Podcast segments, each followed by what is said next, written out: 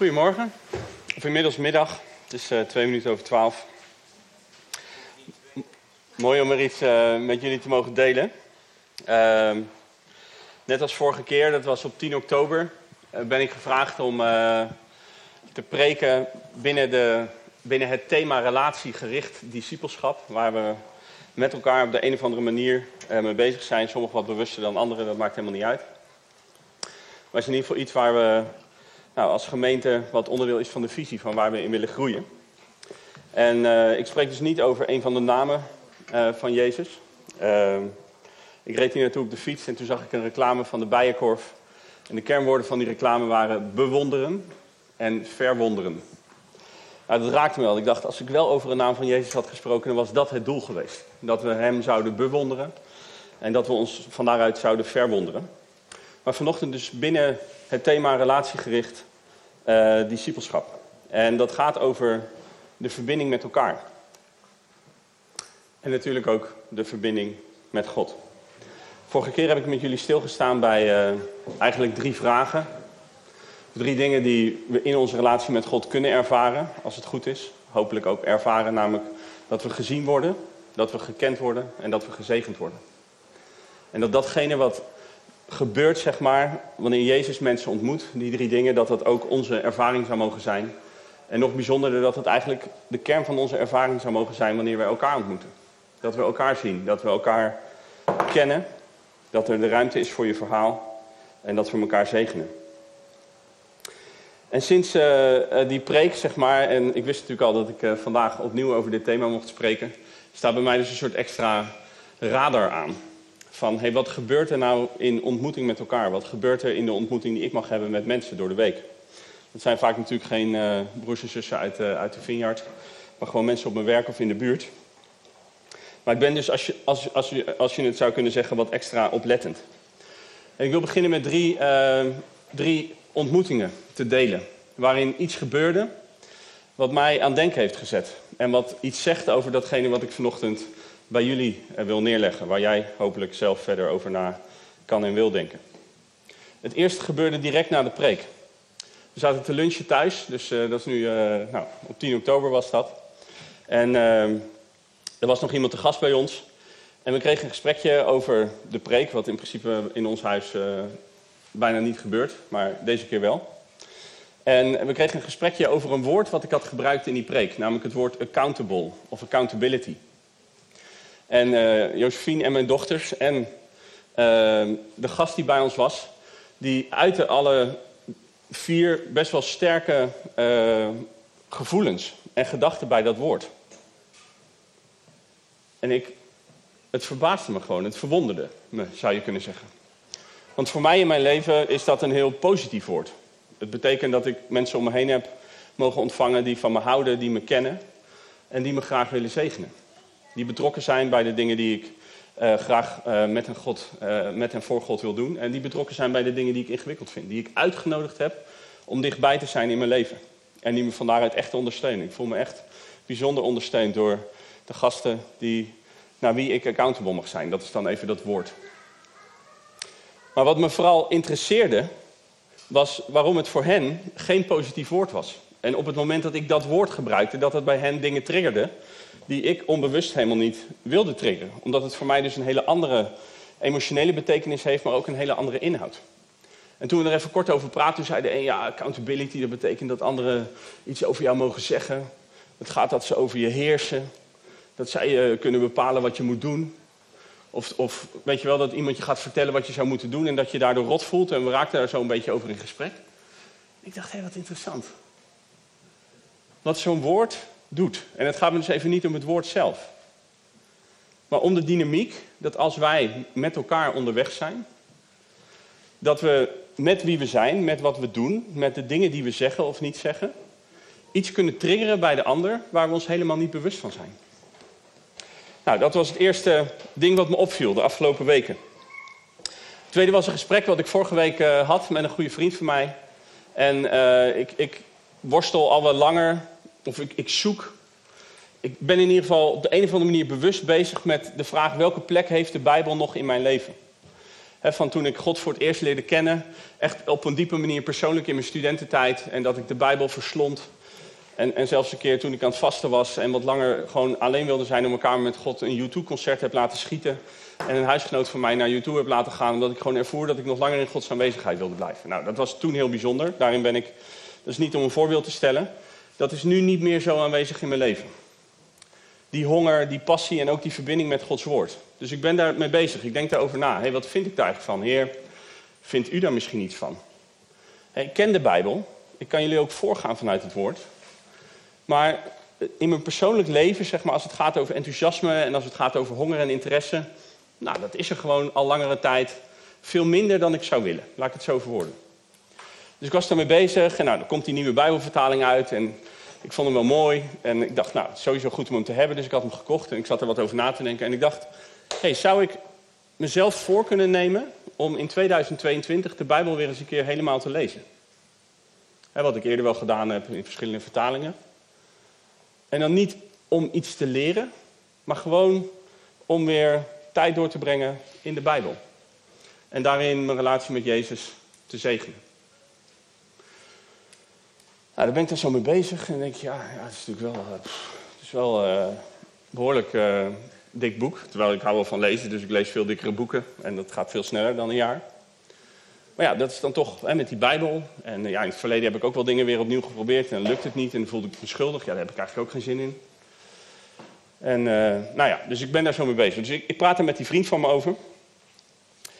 En hij is, echt, uh, hij is echt fan van wie ik ben. Hij houdt van mij, hij staat uh, eh, 300% achter me. Dus daar ben ik me heel erg van bewust. Maar wat hij zei was dit. Ja, ik, ik sprak laatst ook iemand en die had hem in drie weken gelezen. En die was er ook bij gaan vasten. Misschien is dat ook een idee voor jou.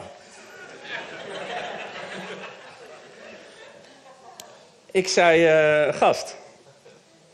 Of tenminste, het gesprek ging even door. Maar ik kwam eigenlijk even bij mijn eigen gevoel. Van wat gebeurde er nou? Want wat ik deelde was een soort... Ja, verlangen is een sterk woord, maar een zoeken in mij.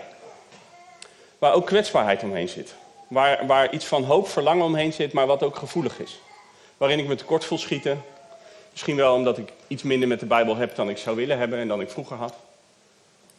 En in plaats van dat hij bij mij bleef, dat hij een vraag stelde waardoor ik iets meer kon delen over dit idee, of waardoor ik misschien iets kon delen zelfs over mijn gevoelens bij dit idee, ging hij er overheen met een verhaal van zichzelf, wat het nog groter, nog uitdagender maakte, maar wat ik ingewikkeld vond in de relatie, was dat het bij mij wegbewoog. En dat, het, dat ik merkte van ja, laat maar even. Terwijl ik deelde het omdat ik met hem in verbinding wil zijn omdat ik weet dat hij mij echt ook een, een, steun voor me is. En een bron van inspiratie. Dat hij voor me bidt in dingen. Nou, oké. Het derde was uh, een van de coronagesprekken die ik de afgelopen tijd heb gehad in de groep. Uh, recent waar jullie ongetwijfeld ook uh, uh, allerlei ervaringen mee hebben. En ik probeer eigenlijk weg te blijven bij dit gesprek, moet ik in alle eerlijkheid zeggen. Misschien is dat naïef of dom. Ik bedoel, ik zou er vast een mening over moeten hebben, maar ik probeer het eigenlijk niet te doen. Ik moet natuurlijk keuzes maken, ook met mijn gezin, maar weet je, daar proberen we gewoon, uh, dat proberen we zo klein mogelijk te houden. Laat ik het even zo voor. We hadden eigenlijk best een interessant gesprek. Maar het zat echt op een niveau van, van een abstract niveau een principieel niveau, een maatschappelijk niveau. En het ging zo'n tijdje door in de groep en uh, het was dus niet naar, het werd niet vervelend zoals die gesprekken ook helaas kunnen zijn. Maar achteraf dacht ik, hé, hey, het zou best kunnen dat één iemand met wie we in gesprek waren echt last heeft op dit moment van de maatregelen. Ik weet het niet, want het niveau waarop we spraken ging niet over wat doet het met jou? Waar raakt het jou? Wat heb jij hierin nodig? En het was voor mij dus een gesprek. En uh, daarom deel ik het even als derde observatie van mezelf. Waarin er dus geen verbinding ontstond. Op een persoonlijk niveau. Terwijl we wel met elkaar best wel wat tijd aan het praten waren geweest.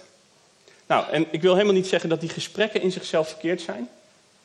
Maar als ik jullie opnieuw uitnodig, hè, en jullie mij, ik bedoel, ik sta hier nu even wat te delen, prima, maar dit is natuurlijk een wederzijds iets, dat we als gemeente en als volgelingen van Jezus. Want het gaat niet alleen over de zondag en het gaat niet alleen over ons. En misschien zijn hier ook gasten, van harte welkom. Als jij als persoon met anderen onderweg bent en je bent een volgeling van Jezus, dan hoopt hij, en dan wil hij ons voorgaan in een, in een manier van verbonden met elkaar zijn, waarin we elkaar wel echt ontmoeten. En waarin we gesprekken voeren die naar de ander toe bewegen en die bij de ander blijven, zoals die ander daarin ook iets voor ons betekent.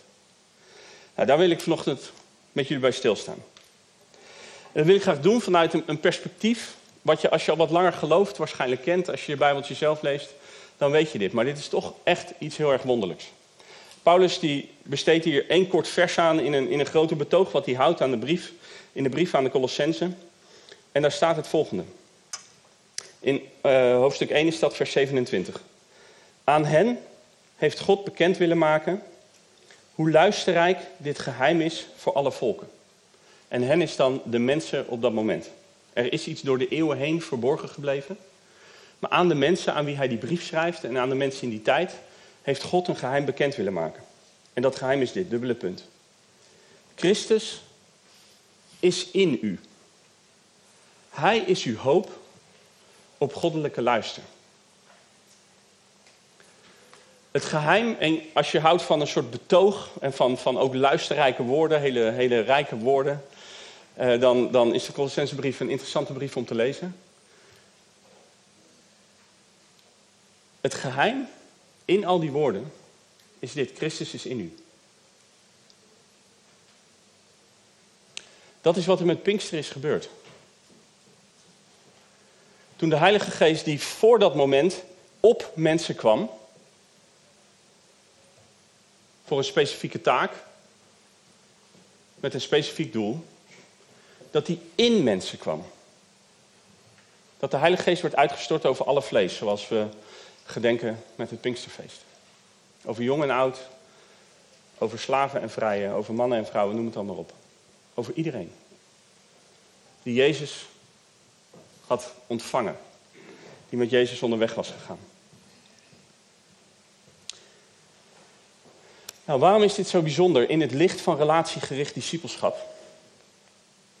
Omdat vanaf dat moment voor ons geldt, als jij met Jezus onderweg bent, als ik met Jezus onderweg ben, dat op het moment dat wij elkaar ontmoeten, op het moment dat wij met elkaar in verbinding treden, of dat nou in een groep is of alleen, of dat nou wat oppervlakkiger is of wat dieper en persoonlijker, dan is Jezus daar aanwezig. En meer dan dat, dan ontmoet jij Jezus in de ander. En dan ontmoet de ander Jezus in jou. Als Paulus dit in een andere brief vreemd, zeg maar, in de context van de relatie waarvan hij zegt: deze relatie, ook al is het een mysterie, is het beste beeld van de relatie die Jezus graag met de gemeente wil hebben. De relatie die, hè, waar we in een ander beeld in het Oude Testament die God toen met zijn volk had. Dan spreekt hij over de relatie van het huwelijk. Efeze 5. Dan zegt hij in Efeze 5 vers 21, aanvaard elkaars gezag uit eerbied voor Christus. Dat zegt hij zowel tegen de man als tegen de vrouw. Aanvaard elkaars gezag. Aanvaard de ander op een, op een positie niet alleen van waarde, dat die ander oneindig waardevol is. Omdat Jezus besloten heeft om zijn leven te geven als prijs. En dat dat de waarde is van het leven van de ander, wat we als man en vrouw nooit moeten vergeten. Maar ook het gezag, die positie, dat die ander aan jou gegeven is, dat die ander in jouw leven gekomen is, hier door een keuze, maar in relatie tot collega's, als je ze niet zelf hebt aangenomen. En dan hoeven ze zelfs geen christen te zijn, is dat niet door jouw keuze? Of je hebt de kinderen niet uitgekozen die je hebt gekregen, net zo goed als ze jou als ouders niet hebben uitgekozen, wat niet altijd makkelijk voor ze is.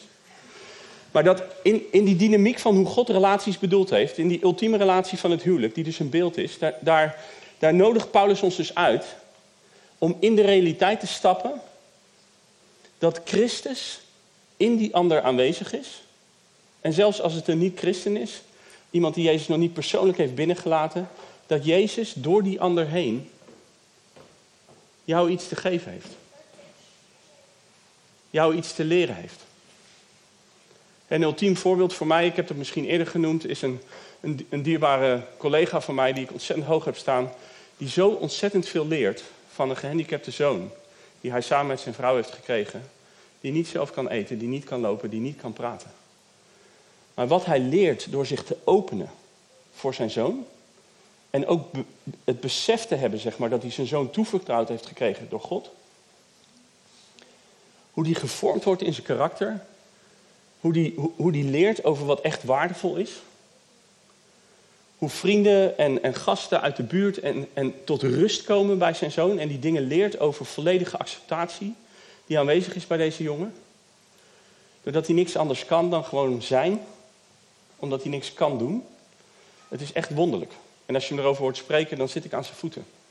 En dan ben ik een leerling van wat hij leert in die relatie die hij heeft met zijn zoon. Het is echt prachtig. Nou, die, die realiteit, die, dat heilige, dat Jezus in jou woont, dat Jezus woont in de ander, dat is een, iets in inhoudelijk discipelschap wat ik vanochtend heel graag, of in relatiegericht discipelschap wat ik graag opnieuw eventjes in ons midden wilde neerleggen. En dat is dus iets wat naar je toe kan komen, waar je voor open kan stellen. En dat is iets wat je te geven hebt. Het beeld, of een beeld daarbij, is dat beeld van dat gesprekje tussen Jezus en die vrouw bij de put, wat in Johannes 4 onder andere staat opgeschreven.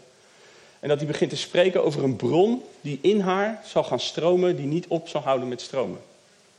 Een bron van levend water, een beeld van de Heilige Geest, die op dat moment nog niet is uitgestort, maar nu wel.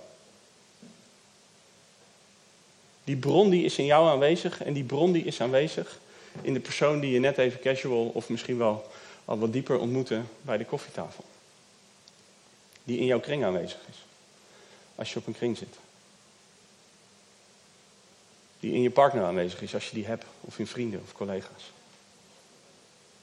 Of in je kinderen.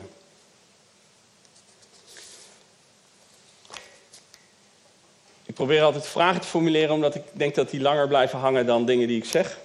Ehm, dus de vraag, en hij is een beetje te lang, excuus daarvoor, maar die ik hierbij bedacht had. Oh, we zijn inmiddels bij de vierde dia, maar dat even. Sorry, ik, uh, Johan, excuus, ik uh, vergeet het aan te geven. Wat zou er veranderen als, je in elke, als jij je in elke ontmoeting bewust was van de realiteit dat Jezus in de ander en in jou aanwezig en werkzaam is.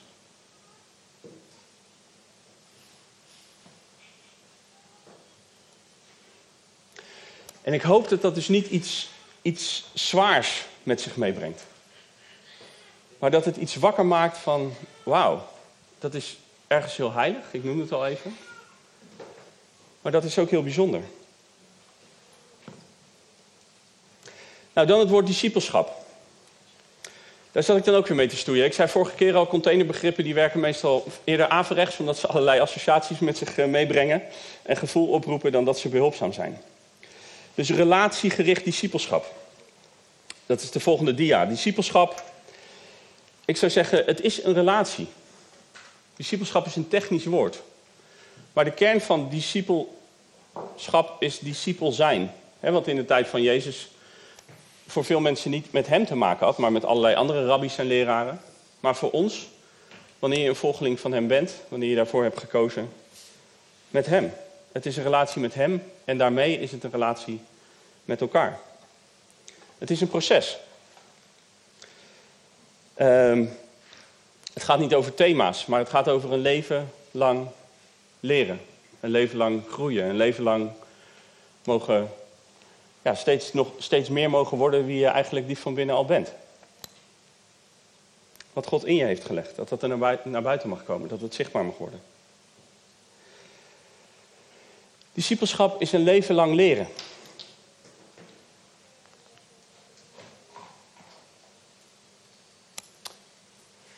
En dat gaat veel meer over een houding dan over dingen die je doet. Of over thema's waar je wel of niet al over hebt gestudeerd. Waar je iets van vindt of waar je niks van vindt. Waar je vernieuwd bent in je denken, zoals de Bijbel dat noemt, op basis van wat Gods woord erover zegt of nog niet. Dat zijn allemaal elementen. Maar de kern van discipel zijn is een houding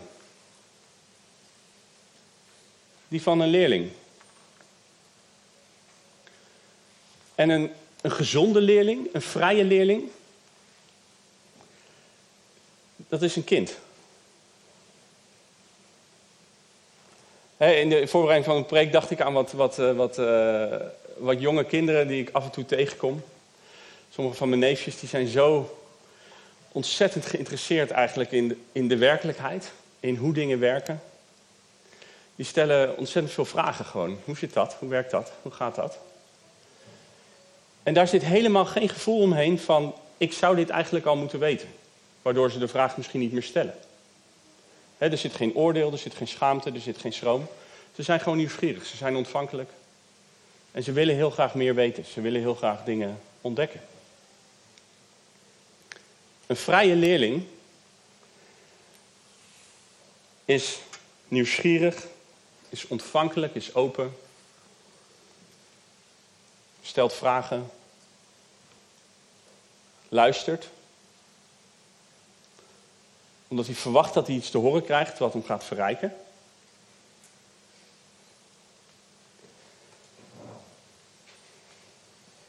Nou, daar zat ik dan weer over na te denken. Ik dacht, hé, hey, hoe is dat eigenlijk in mijn leven? Als ik dat niet herken bij mezelf, of als ik dat niet meer herken bij mezelf. In sommige thema's of in sommige relaties. Wat is er dan gebeurd? Is er iets tussen komen te staan? Heb ik het idee dat ik het allemaal al weet? Of zit het in de verbinding? Dat als het naar mensen is, dat er iets in die verbinding zit waardoor ik me niet meer open kan of wil stellen naar diegene? Omdat dat kwetsbaar voelt, ben ik teleurgesteld? Of heb ik het idee dat diegene me niks te leren heeft? Nou, daar zat ik een beetje over na te denken. En ik wil nog twee dingen noemen en dan is het voorbij ook. Voor vanochtend in ieder geval. Of twee dingen. Het zijn, ik wil eigenlijk één ding proberen even te duiden wat helpt. En ik wil één ding duiden wat mogelijk niet helpt. Ik denk als wij met elkaar, en dat gaat dus niet alleen over Vineyard Utrecht, willen groeien in relatiegericht discipelschap. Dan is één ding wat absoluut helpt, wanneer we, en dat mag je voor jezelf even bedenken, hè. ik zeg dat gewoon even in algemene zin, en misschien denk je wel, Joost, je kent me niet, want als je, dit zou, als je me zou kennen zou je dit niet tegen mij zeggen, weet je, nou, dan zeg ik het niet tegen jou. Maar even in algemene zin, dan helpt het als we nog meer leren om goede vragen te stellen. Als wij een cultuur willen hebben van echt met elkaar verbonden zijn. En dit raakt een beetje aan de inhoud van mijn preek eh, twee maanden geleden. Waarin je dus als persoon gezien voelt. Waarin je ervaart dat je verhaal er mag zijn. Dat je wordt uitgenodigd om het te delen. En dat je je gekend voelt. Dan helpt het als we leren of nog meer leren om goede vragen aan elkaar te stellen. Want een vraag is een uitnodiging. Een vraag helpt mensen, degene met wie je in gesprek bent, om na te denken over zichzelf. Een vraag, als het persoonlijke vragen zijn, even vertelt iemand van hé, hey, jij mag er zijn. En wat jij denkt en wat je voelt en wat je vindt, dat is belangrijk. En een vraag helpt mensen in die realiteit van hé, hey, je zit niet alleen als het even één op één is met elkaar in gesprek, maar Jezus is daar ook bij. Jezus is in de ander en Jezus is in jullie midden. Helpt een persoon om dichter bij zichzelf te komen. En als je dichter bij jezelf komt, dan kom je automatisch dichter bij Jezus. Ik, ik, ik, coach wat leiders en voorgangers zeg maar, op verschillende plekken. En deze week had ik een gesprek met iemand. En uh, technisch gezien zeg maar, uh, hadden we een bepaalde oefening gedaan en mocht ik proberen wat feedback te geven om hem gewoon te helpen groeien in bepaalde vaardigheden. Maar er waren me ook een paar persoonlijke dingen opgevallen in de relatie de afgelopen tijd. En ik had hem gevraagd van, hey, mag ik daar ook iets over delen? Hij had me toestemming gegeven. Hij was wel nieuwsgierig naar wat me dan was opgevallen. Dus we waren erover in gesprek. En een van de dingen die hij deelde was dat hij het soms lastig kan vinden om echt te voelen om, om bij zijn gevoel te zijn eigenlijk. In, in de dingen waar hij doorheen gaat.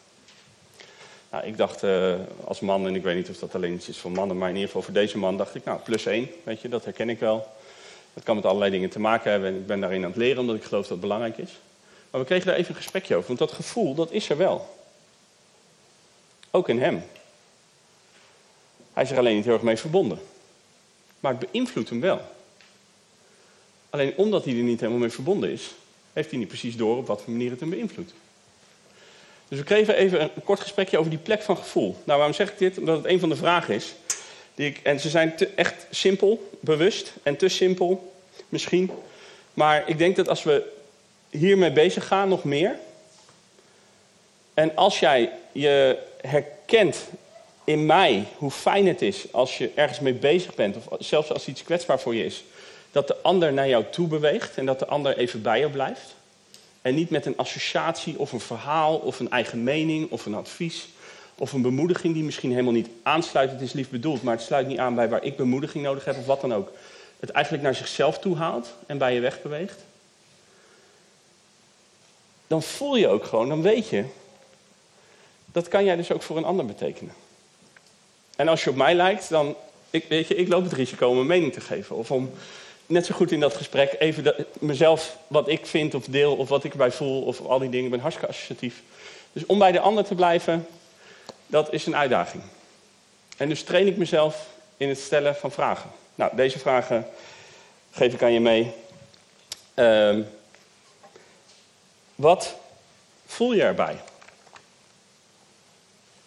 Hey, je praat over iets. Wat voel je erbij? Wat denk je erover? En dit is niet de volgorde dat de een eerst moet en de ander daarna. Het kan allebei. Maar op het moment dat je alleen de ene vraag stelt, dan krijg je een bepaald type gesprek, zeg maar. En dan mis je misschien iets wat voor de ander ook waardevol is. Wat denk je dat God erover zegt? Die is iets minder toepasselijk in een werksetting. Afhankelijk een beetje van de agenda en het type werk. Maar wanneer we in de gemeente samen zijn, omdat we graag dicht bij God willen zijn en willen groeien in wie Hij is, wat denk je dat God erover zegt? En die kan de kant op gaan van de Bijbel. Van, is er iets in de Bijbel wat je hierin inspireert? Of, of wat raakt aan, dat, aan dit thema of aan deze vraag waar je mee leeft? Of wat dan ook. Maar het kan ook gaan over Gods geest. He, vanochtend werden er een paar mooie voorbeelden gegeven. Van hoe de Heilige Geest je gewoon een gedachte in kan leggen. Waarvan je inmiddels weet van, hé, hey, zo werkt hij bij mij. En die je serieus wil nemen. En de vraag, wil je er iets mee?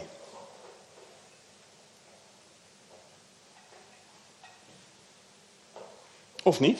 En we kunnen er ook gewoon alleen even over kletsen. Dat is prima. Maar op het moment dat het natuurlijk over iets gaat waar iemand mee worstelt, dan wil die er waarschijnlijk wel iets mee. Of wat gewoon lastig is of pijn doet. Maar ja, hoe ingewikkeld is het om te ontdekken wat is dat dan precies? Wat me zou kunnen helpen. Als je wel eens op een bijbelkring hebt gezeten waar de toepassingen die gemaakt werden alleen maar gingen over meer stille tijd houden, dan weet je hoe, hoe vruchteloos dat is. Op het moment dat je abstracte, geestelijke dingen met elkaar deelt, uiteindelijk van ja, wat wil je ermee? Nou, het is goed dat ik hier meer mee bezig ga met God. Meer dit of minder dat, allemaal van die abstracte. Jongens, daar zijn we echt niet van gegroeid, denk ik. De meeste van ons in ieder geval niet. Ik, ik niet, laat ik bij mezelf houden.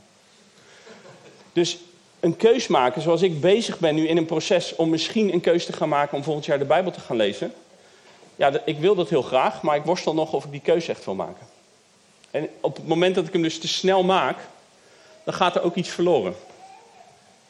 Zo goed ken ik mezelf inmiddels. En ik weet dat God daar geduldig in is. En dat hij me dus ergens een wortel voorhoudt in een positieve zin. Dat hij me dingen aan het beloven is om als het ware wakker te maken voor het verlangen wat in hem aanwezig is als ik deze keuze zou maken. Maar dat hij me ook de tijd wil geven om echt even een proces door te gaan, zodat ik een bewuste keuze kan maken. Wil ik hier iets mee? Ik denk het wel, maar ik weet nog niet zeker.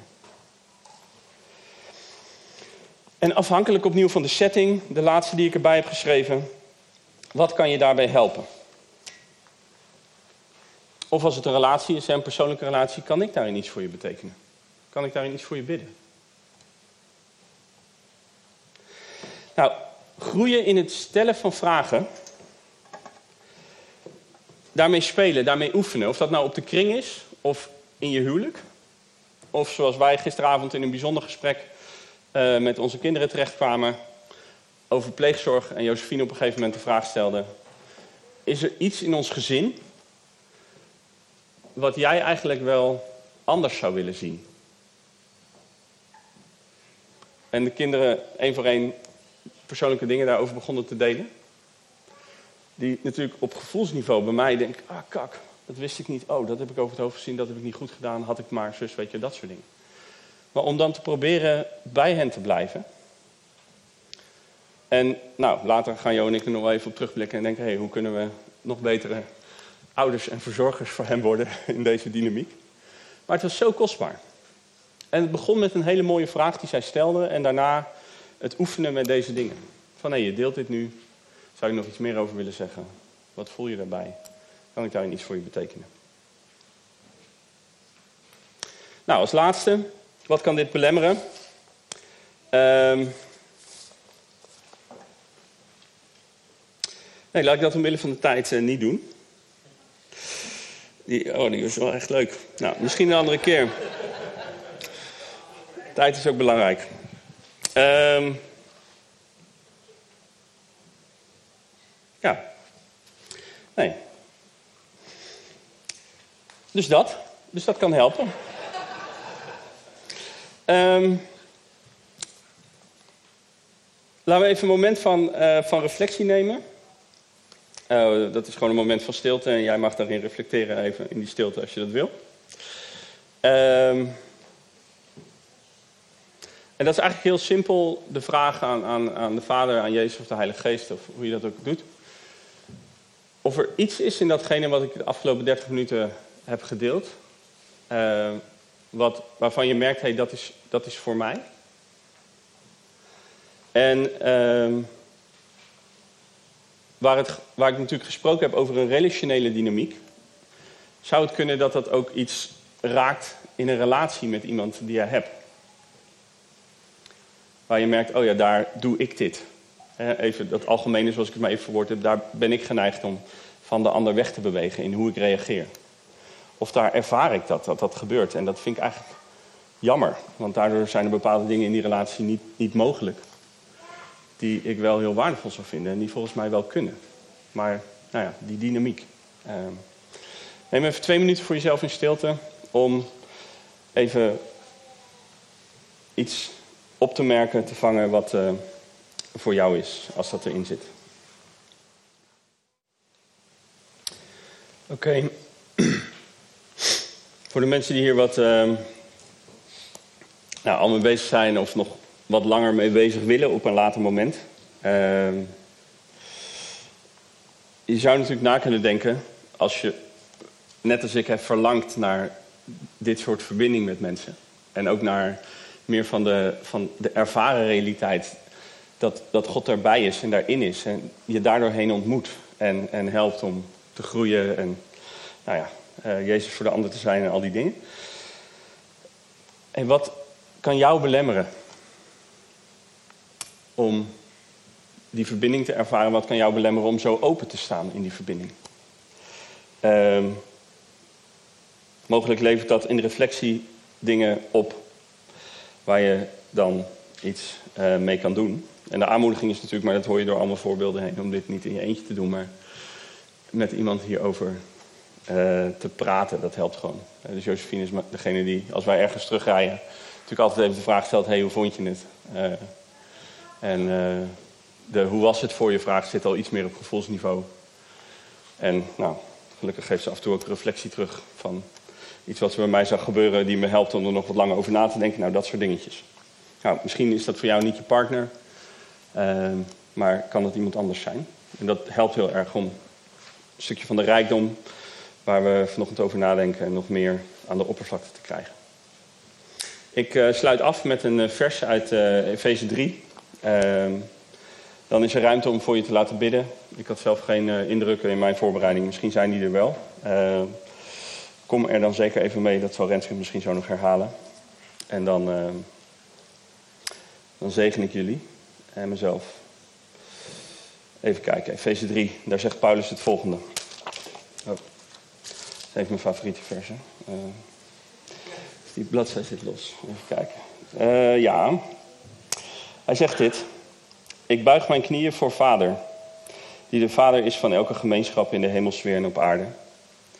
Mogen Hij vanuit zijn rijke luister jouw innerlijke wezen kracht en sterkte schenken door zijn geest. Zodat Jezus door geloof kan gaan wonen in je hart. En Jezus in jou en Jezus in de ander. En u geworteld en gegrondvest blijft in de liefde. Dan zul je met alle heiligen de lengte en de breedte, de hoogte en de diepte kunnen begrijpen. Ja, de liefde van Jezus kennen, die alle kennis te boven gaat. Opdat je zult volstromen met Gods volkomenheid. Heer, ik dank u dat het uw verlangen is. Ik dank u dat het een belofte is. Heer, dat de start gemaakt is toen u zelf in ons kwam wonen. En dat we mogen ontdekken, Heer, hoe dat er uh, ja, steeds uh, dieper en mooier uit kan zien. Wanneer we met elkaar verbonden zijn. En u ontmoeten in de ander. Heer, ik bid dat uh, als het schuurt, als het ook pijn doet, als er teleurstelling boven komt drijven, dat u uh, ons helpt om te herkennen dat dat uh, ook kansen zijn. En dat u ons laat zien, Heer, wat we nodig hebben en hoe we daar op een mooie manier mee om kunnen gaan. Dank u, Heilige Geest, dat u ons hierbij helpt. Ik zegen wat u doet.